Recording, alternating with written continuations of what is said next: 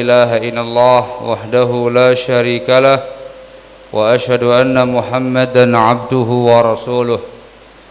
يا أيها الذين آمنوا اتقوا الله حق تقاته ولا تموتن إلا وأنتم مسلمون. يا أيها الناس اتقوا ربكم الذي خلقكم من نفس واحدة وخلق منها زوجها وبث منهما رجالا كثيرا ونساء. واتقوا الله الذي تساءلون به والأرحام إن الله كان عليكم رقيبا. يا أيها الذين آمنوا اتقوا الله وقولوا قولا سديدا. يصلح لكم أعمالكم ويغفر لكم ذنوبكم. ومن يطع الله ورسوله فقد فاز فوزا عظيما. أما بعد فإن أصدق الحديث كتاب الله. وخير الهدي هدي محمد صلى الله عليه وعلى آله وسلم وشر الأمور محدثاتها فإن كل محدثة بدعة وكل بدعة ضلالة وكل ضلالة في النار.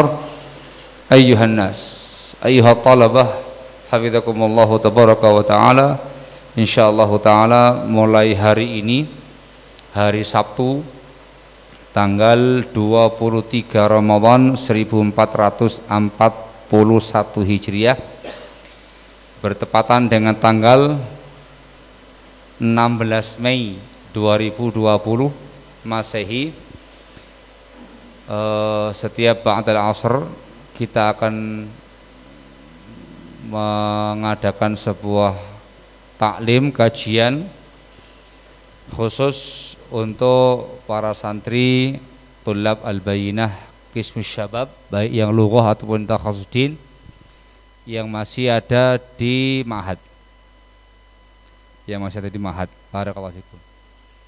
Uh, sengaja kita adakan kajian khusus ini supaya antum ada kegiatan yang sifatnya spesial dikarenakan bukan KPM rutin tapi mengkaji sebuah risalah sebuah kitab dan yang dipilih adalah kitab yang saya susun sendiri terkait dengan ulumul Quran saya kasih judul Umdatu Ahlil Irfan fi Ulumil Quran. Masih tulisan tangan namanya makhtutat dikarenakan e, belum selesai diketik. Ini dalam proses pengetikan dibikin sebuah kitab.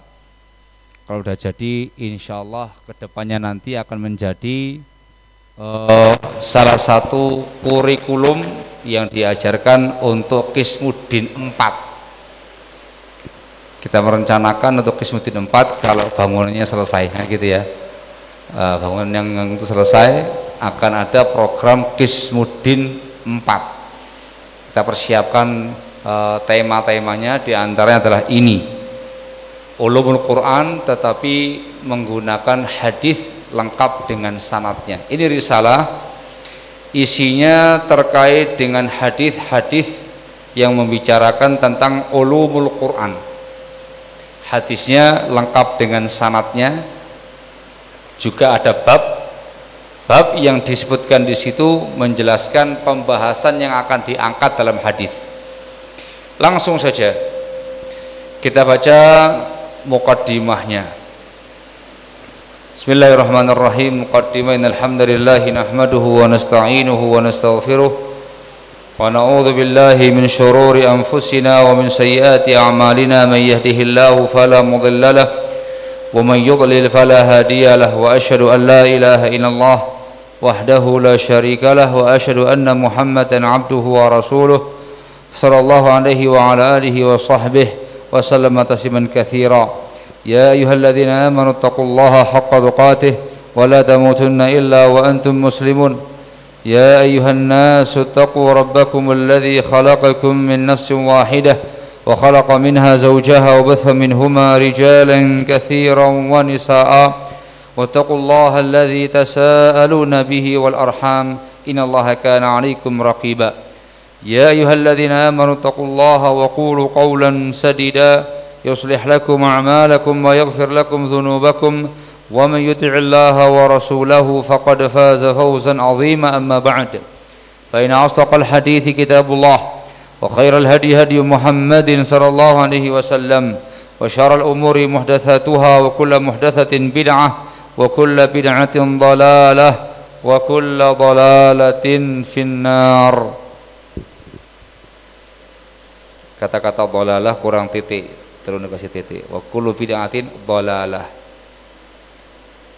Qultu saya mengatakan qultu karena saya menulis risalah ini. Fa inni ahmadullah taala. Sesungguhnya aku bertahmid kepada Allah azza wa jal. Wa ashkurahu. Wa ashkuruhu.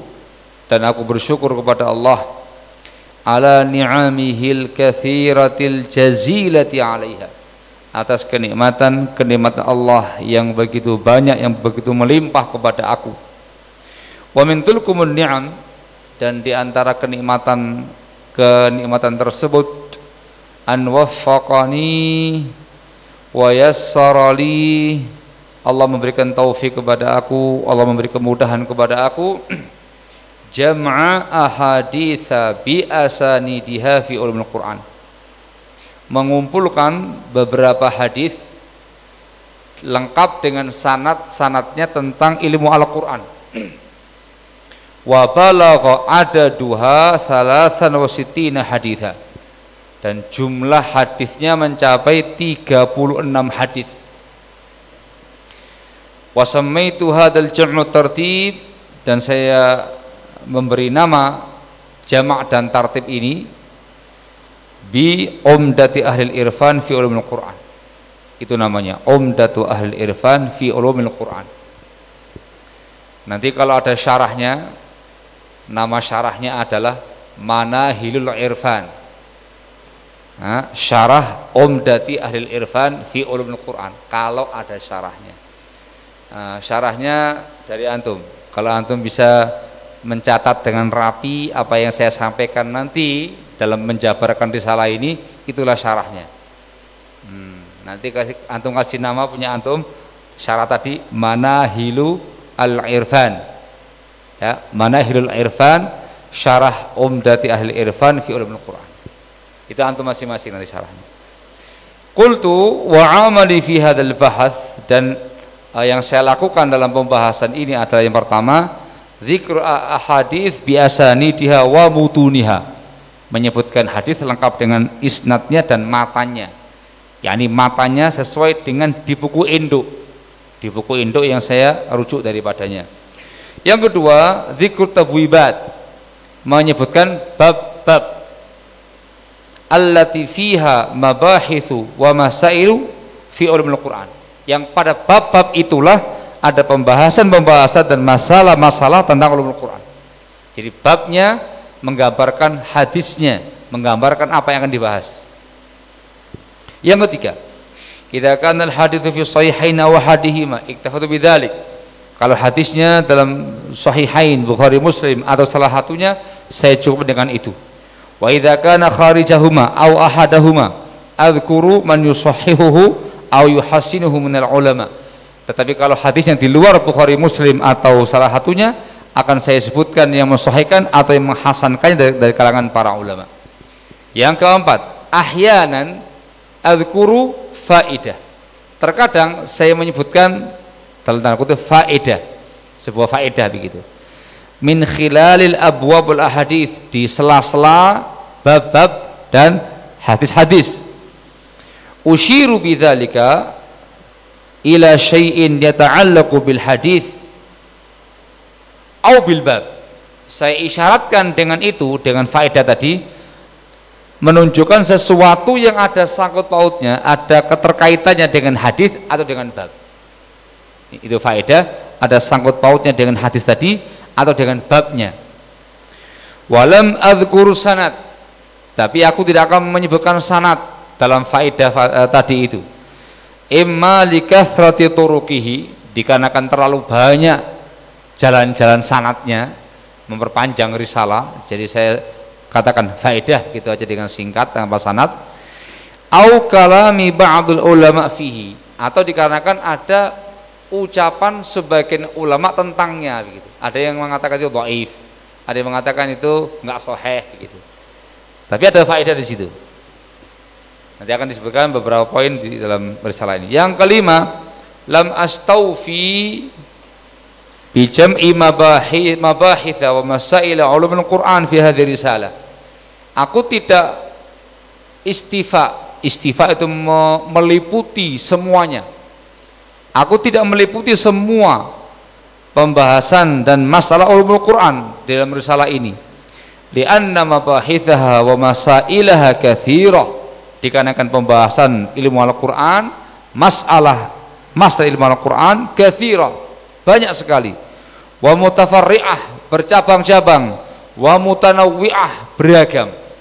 Masalahnya banyak, cabangnya banyak, ragamnya juga sangat banyak lam yarid ya lam yarid fi kathirin minha hadithun dan pada kebanyakan masalah tadi tidak ada hadis padanya wa innama hiya minal Qur'an hanya saja masalah itu diambil dari Al-Qur'an au ma uthiru anis salaf atau yang diatharkan dari salaf itu masalah istidlalnya pegangannya pijakannya Al-Qur'an atau athar salaf. Sementara yang, yang dibahas sekarang apa ini? Hadis. Dikarenakan tidak ada hadisnya, maka enggak disertakan pembahasan di sini. Jadi yang disebutkan di sini masalah masalah ilmu Al-Qur'an yang ada hadis padanya. Barakallahu fikum. Masalah yang lain dari Al-Qur'an atau dari keterangan kaum salaf. Wa taala dan aku memohon kepada Allah taala ayyan fa'a biha katibaha wa qari'aha semoga Allah memberikan kemanfaatan dengan risalah ini yang menulisnya dan yang membacanya innahu jawadun karim ya Allah zat yang maha berderma dan maha mulia wa kana bidayatu kitabati hadzal bahath dan permulaan menulis pembahasan ini adalah di sab'in mawaina min Ramadan. Tujuh hari yang lewat dari Ramadan. Yakni saya memulai nulis ini tanggal 7 Ramadan. Hadhihi sanah tahun ini yaitu 1441 Hijriah. Wa nihayatuha asra yaumul khamis. Dan selesai menulis risalah ini asar pada hari Kamis 14 Ramadan 1441 yang dalam waktu satu pekan saya menulis risalah ini dikumpulkan. Barakallahu fikum. Eh, saya mayoritasnya mengerjakannya di siang hari. Jam jam setengah dua sampai asar. Pernah sekali di malam hari. Di malam hari. Tapi seringkalinya siang sampai asar. Begitu akhir pembahasan selesai pas adzan asar. Saya, saya katakan wanihayatuha asra yamul khamis. Pas adzan asar selesai. Barakallahu fikum. Alhamdulillah. Wa akhiru da'wana alhamdulillahi rabbil alamin. Ila akhirih. Langsung aja kita masuk pada pembahasannya. Tariqah tadris cara pengajarannya kita hanya fokus pada hadis yang disebutkan namanya syarah hadis. Kemudian masalah masalah yang diangkat pada hadis dan faedah faedah hadis. Paham ya? Kalau mungkin kan ditambahkan sedikit yang terkait dengan babnya. Sehingga diharapkan tidak terlalu melebar. Nanti kalau melebar di Kismudin 4 ini baru melebar dibahas sanatnya dibahas rawinya dibahas semua dibahas masail dibahas di Kismudin 4 yang ini kajian umum hanya syarah hadis faedah hadis dan masalah dalam hadis ini. Difahami misalnya ya? Baik, fa'akul maka saya katakan babu fadailil qur'ani wa qari'ihi. Bab fadilah fadilah Al-Qur'an dan yang membaca Al-Qur'an Al-hadis al-awwal, hadis yang pertama. Qala Imam Abu al-Husain Muslim Ibn al-Hajjaj al-Qushairi rahimahullah dalam kitab sahihnya nomor hadis 804. Qala haddatsani al-Hasan ibn al-Hulwani qala haddatsana Abu Taubah wa Rabi' Nafi' qala haddatsana Muawiyah yani ibn an Zaidin annahu sami'a Aba Sallam yaqul qala haddathani Abu Umam al-Bahili radhiyallahu anhu qala sami'tu Rasulullah sallallahu alaihi wasallam yaqul Ini semuanya seperti yang dalam buku induknya. Saya enggak menambah dan tidak mengurangi.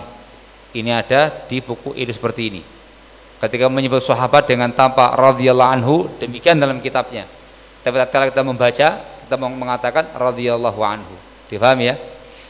Qala sami'tu Rasulullah sallallahu alaihi wasallam yaqul. Aku pernah mendengar Rasulullah sallallahu alaihi wa ala alihi wasallam bersabda Kata beliau iqra'ul qur'ana. Hendaklah kalian membaca Al-Qur'an Ya'ti yaumal qiyamati syafi'an li ashabihi Sebab Al-Quran ini datang di hari kiamat nanti memberi syafaat untuk orang-orangnya yang membaca Al-Quran. Iqra'u az-Zahrawain. Hendaklah kalian membaca Zahrawain. Dua yang bercahaya. Dua yang indah, yang jelita. Saya, saya sebutkan maknanya. Yaitu Al-Baqarah wa surata Ali Imran.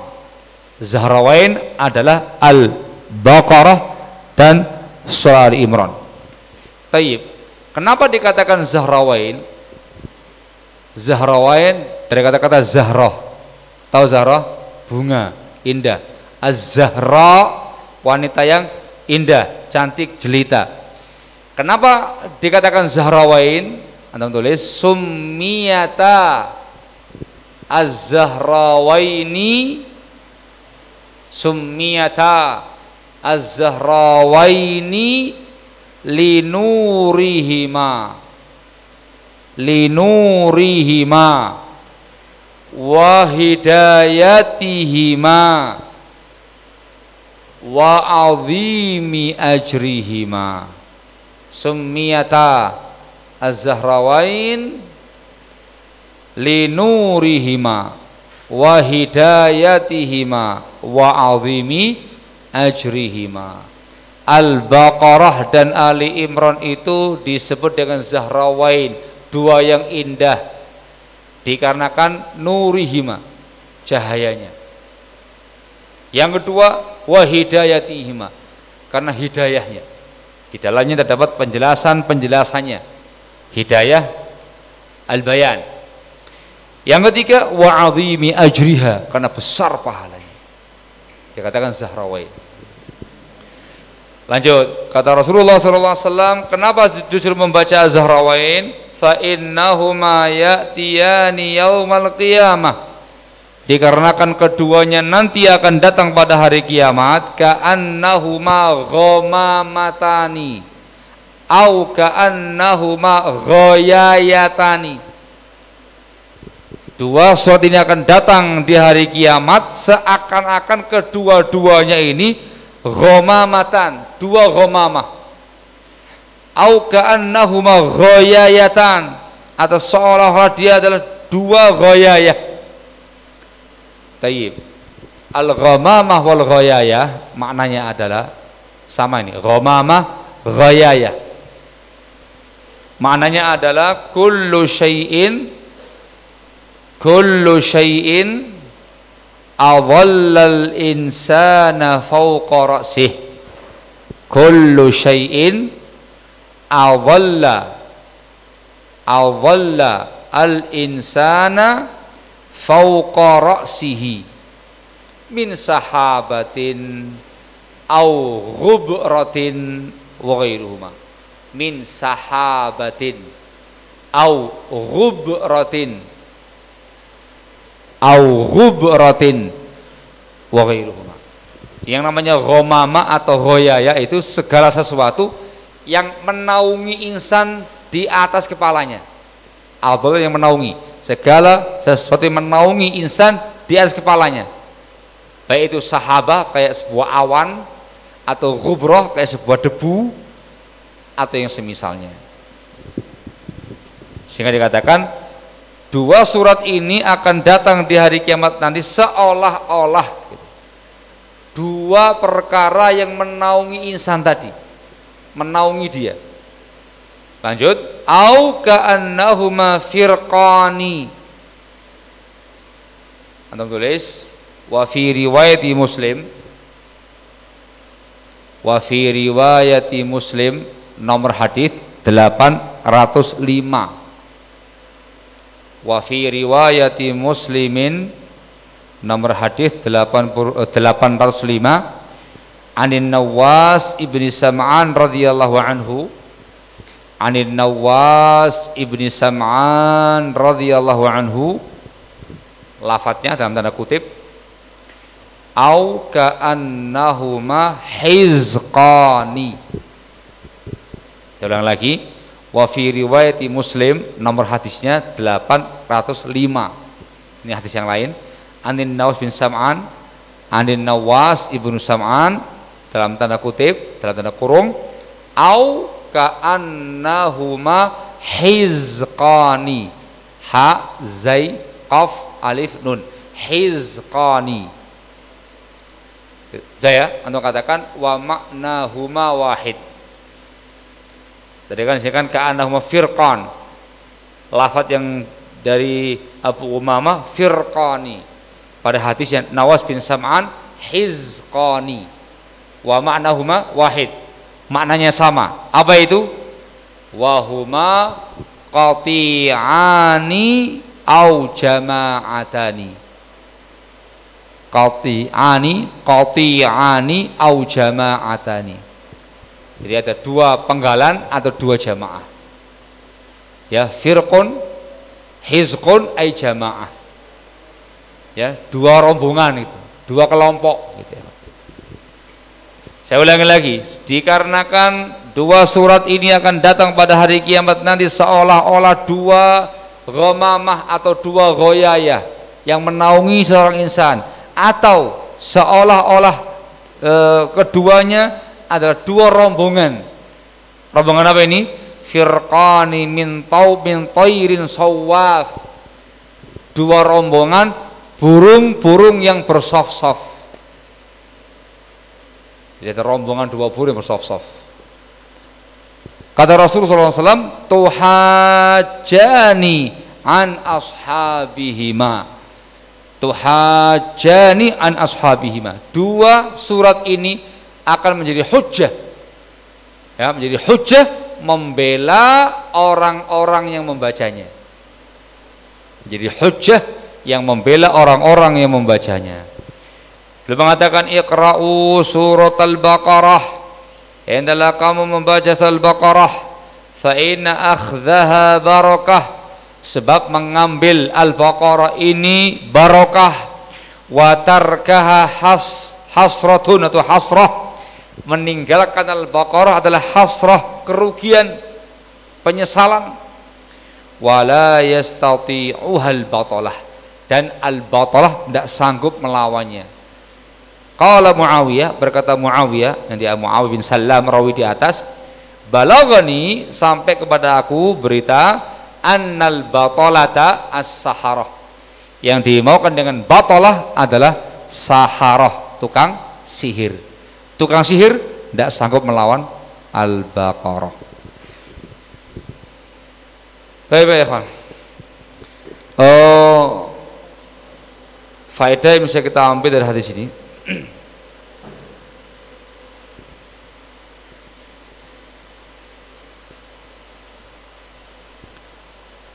Yang pertama adalah masyru'iyatu tilawatil Quran. Wa anna ajraha azim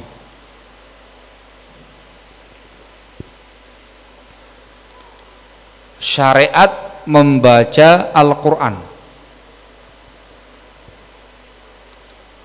Ya, syariat membaca Al-Quran dan membaca Quran itu pahalanya besar. Masru'iyatu tilawatul Quran wa anna ajroha azim besar pahalanya. Yang kedua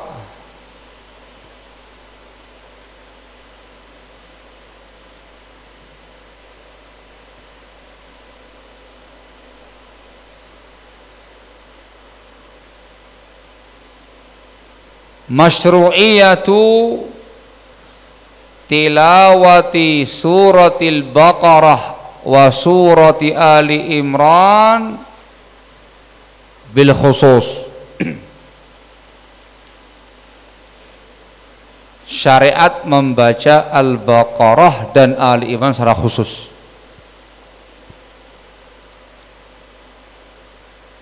Li'idhami ajriha dikarenakan besarnya pahalanya.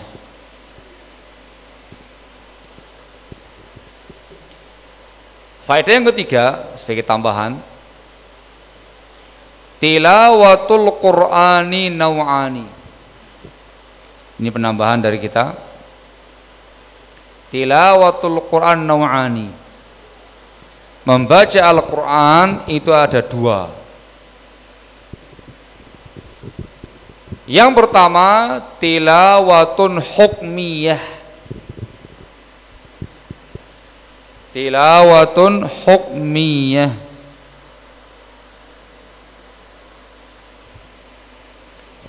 Membaca Al-Quran secara hukum. Namanya tilawatun hukmiyah. Maknanya adalah tasdiqu akhbarihi wattiba'u ahkamihi. Tasdiqu akhbarihi wattiba'u ahkamihi. Fi'lan lil ma'murat wa tarkan lil manhiyat ya. Tasdiqu akhbarihi wattiba'u ahkamihi fi'lan lil ma'murati watarkan lil manhiyat. Jadi pengertian tilawah hukmiyah membenarkan berita Al-Quran mengikuti hukum-hukum Al-Quran melaksanakan perintah menjauhi larangannya.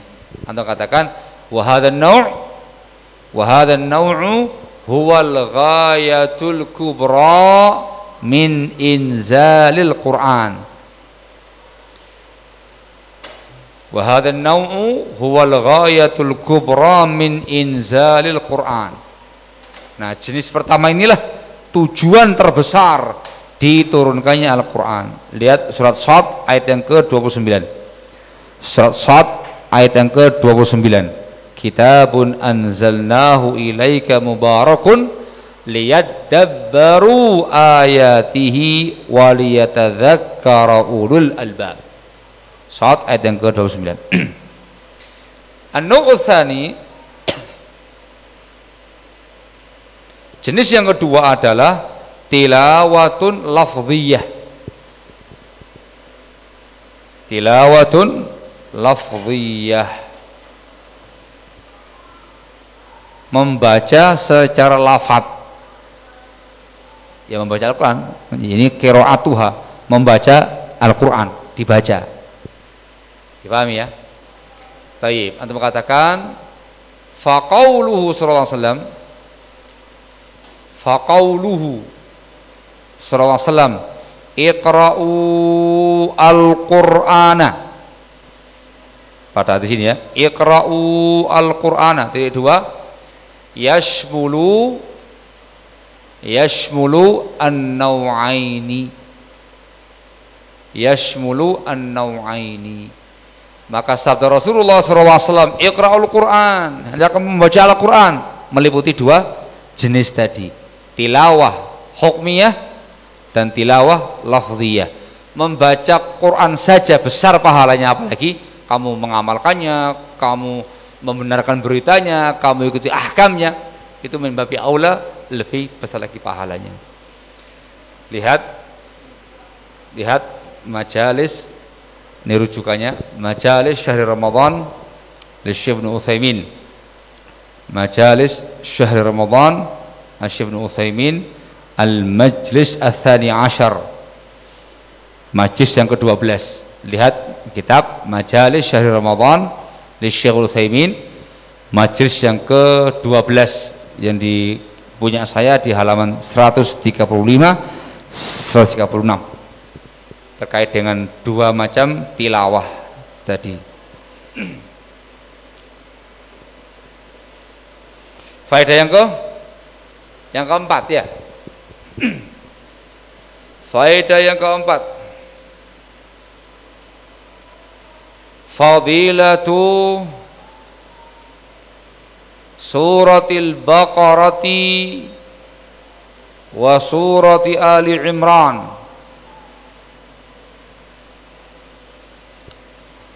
Keutamaan al-baqarah dan ali imran.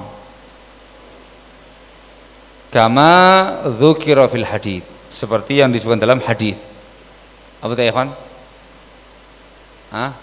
seakan-akan dua naungan besar atau dua rombongan burung ya, eh, yang berjejer yang bersoft-soft mereka menjadi hujah membela orang-orang membacanya. Yang berikutnya faedah yang ke yang kelima fadilatu suratil baqarah bil khusus. Keutamaan surah al-baqarah secara khusus Keutamanya adalah yang pertama akhdhuha barokah. Mengambilnya mengambilnya kamu membacanya, kamu mengamalkan isi kandungannya barokah. Yang kedua tarkuha hasrah. Meninggalkan Al-Baqarah itu penyesalan, merugikan. Yang ketiga la yastati saharah ya tukang sihir tidak sanggup melawan Al-Baqarah. Untuk katakan fafihi yang terkait dengan terakhir ya, tukang sihir tidak sanggup melawan Al-Baqarah. Fafihi isyaratun ila annal baqarata min ayatir ruqa. Fafihi isyaratun ila annal baqarata min ayatir ruqa. Tahu ruqa? jamaknya ruqyah. Ini ada isyarat Al-Baqarah termasuk ayat-ayat ruqyah. Jadi ketika ada yang kesurupan kena jin atau kena penyakit ain, baca Al-Baqarah. Di antara yang dibaca Al-Baqarah. Faedah yang ke ke Nama tujuh enam. Faedah yang keenam adalah Fadilatul Qur'ani umumah fadilatul qur'ani umuman wa huwa annahu ya'ti yaumal qiyamati syafi'an li ashabih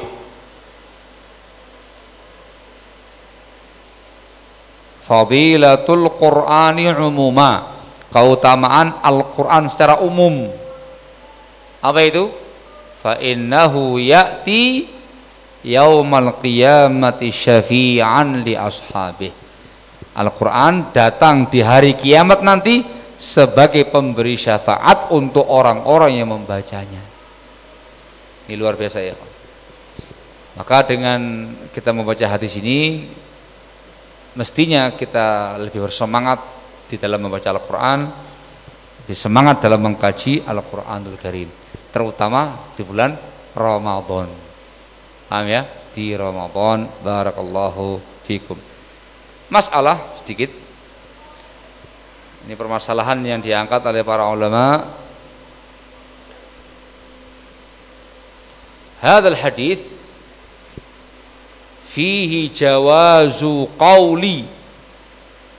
Hadal hadis fihi jawazu qawli. Titik dua dalam kurung suratu Ali Imran. Wa suratul nisa. Wa suratul maidah. Wa shibhuha. Wa shibhuha. Wala karahata fi wala karahata fi saya ulangi lagi ya. Al hadithu fihi jawazu qauli dalam kurung suratu Ali Imran, suratun Nisa, Suratul Maidah wasyibhuha wala karahata fi dzalik. Ini hadis menunjukkan bolehnya mengucapkan surat Ali Imran. Ya, surah An-Nisa, surat Al-Maidah. Mohon maaf, kalau terjemahkan gimana? Surat keluarga Imran, kan gitu ya. Surat wanita-wanita, surat apa? Apa Al-Maidah itu? Hidangan ya, hidangan yang di meja makan. Artinya sepintas ketika didengarkan artinya kok aneh gitu loh. Surat perempuan-perempuan, kok gitu sih? Nah, gitu. Di sini ada nas yang mengatakan boleh. Karena Rasul mengatakan apa ini? Iqra'u az-zahrawain al-baqarah wa suratu Ali Imran. Yang kedua, iqra'u surat al-baqarah. Rasul mengucapkan demikian menunjukkan boleh. Kenapa diangkat masalah ini? Ada sebagian yang memakruhkannya. Antum katakan wa karihahu ba'dul mutaqaddimin. Wa karihahu ba'dul mutaqaddimin. Itu dimakruhkan oleh sebagian ulama mutaqaddimin, ulama terdahulu. Qal beliau mengatakan innama yuqalu innama yuqalu dalam kurung as-surah allati yudhkaru fiha Ali Imran dalam kurung as-suratu allati yudhkaru fiha Ali Imran. Kata sebagian mutakaddim ini seharusnya kamu katakan surat yang disebutkan padanya Ali Imran. Jangan mengatakan surat Ali Imran tapi surat yang disebutkan padanya Ali Imran. Ya kayak An-Nisa kamu katakan as-surah allati tudhkaru fiyan nisa gitu itu sebagian mutakaddimin antum katakan was-shawab was-shawabu jawazu dzalik wa huwa qaulul jumhur. As-shawabu jawazu dzalik wa huwa qaul jumhur. Dan yang benar boleh. Dan itu pendapat jumhur ulama. Lihat syarah An-Nawawi pada hadis ini. Ya syarah Sahih Muslim karya An-Nawawi pada hadis ini. Hadis yang dibahas sekarang nomor 804 difahami ya? Jadi antum nggak usah nggak usah apa namanya merasa nggak enak. Dan di zaman sekarang ini khilaf ini nggak nggak nggak muncul. Sudah dianggap biasa oleh kaum muslimin mengatakan al-baqarah surat al-baqarah. Sudah biasa di, di kalangan mereka. Dan di kalangan itu juga biasa karena antum orang bukan orang Arab ini orang Arab agak sedikit ayat surat baqarah masa surat sapi kayak gitu ya wah nggak nggak etis nah, gitu boleh nggak ada masalah dikarenakan Rasulnya mengatakan demikian ha? bisa mengatakan al-baqarah atau mengatakan suratul Baqarah. Barakallahu fikum. Selesai hadis ini. Semoga dipahami dengan baik. Lanjut apa sudah? Sudah ya? Sudah persiapan buka puasa. Cukup pada asar aja atau mau jam yang lain? Loh, yang semangat ya akhi. Mau diteruskan habis raweh jam 8 malam? hmm, mengisi 10 hari yang terakhir Ramadan dengan pembahasan Al-Quran iya dari apa ini mantap ini jangan mikiri pulang terus mikiri tanunya waktunya pulang pulang enggak fokus gitu loh. Ya apa? Sore aja atau sama malam? Sore aja. Nah, yang bilang sore aja nih mau pulang kayaknya. Eh, eh, hari insya Allah. Ya pak, sore aja ya. Lo kok diem? Iya mau. Antum nggak lo mau? Iya mau. Sore aja bagaimana? Kalau kalau normal biasanya kalau saya itu habis subuh. Habis subuh taklim sampai suruk. Nah, salat isyraq setelah itu. Nah, kemudian uh, habis raweh kayak gitu biasanya terawih subuh terawih subuh terawih subuh terawih yang Ramadan kemarin ini mestinya karena nggak ada apa-apa ya mending subuh zuhur asar terawih subuh zuhur asar terawih gitu mestinya eh ya apa eh Piye? Loh, wah lo kabeh berarti iki. Ya wis, pada asar aja sementara ya. Ya sudah, besok tolong sudah rapi semuanya, dibereskan semua. Dibereskan semua. Barakallahu fikum. Uh, jam setengah empat langsung dimulai dengan cara seperti ini yang nggak dapat tempat silakan di bawah gitu ya Barakallahu fikum. Saya kira cukup sekian. Naktafi lahuna subhanaka wa bihamdika asyhadu an la ilaha illa anta astaghfiruka wa atubu ilaik. Walhamdulillahi rabbil alamin.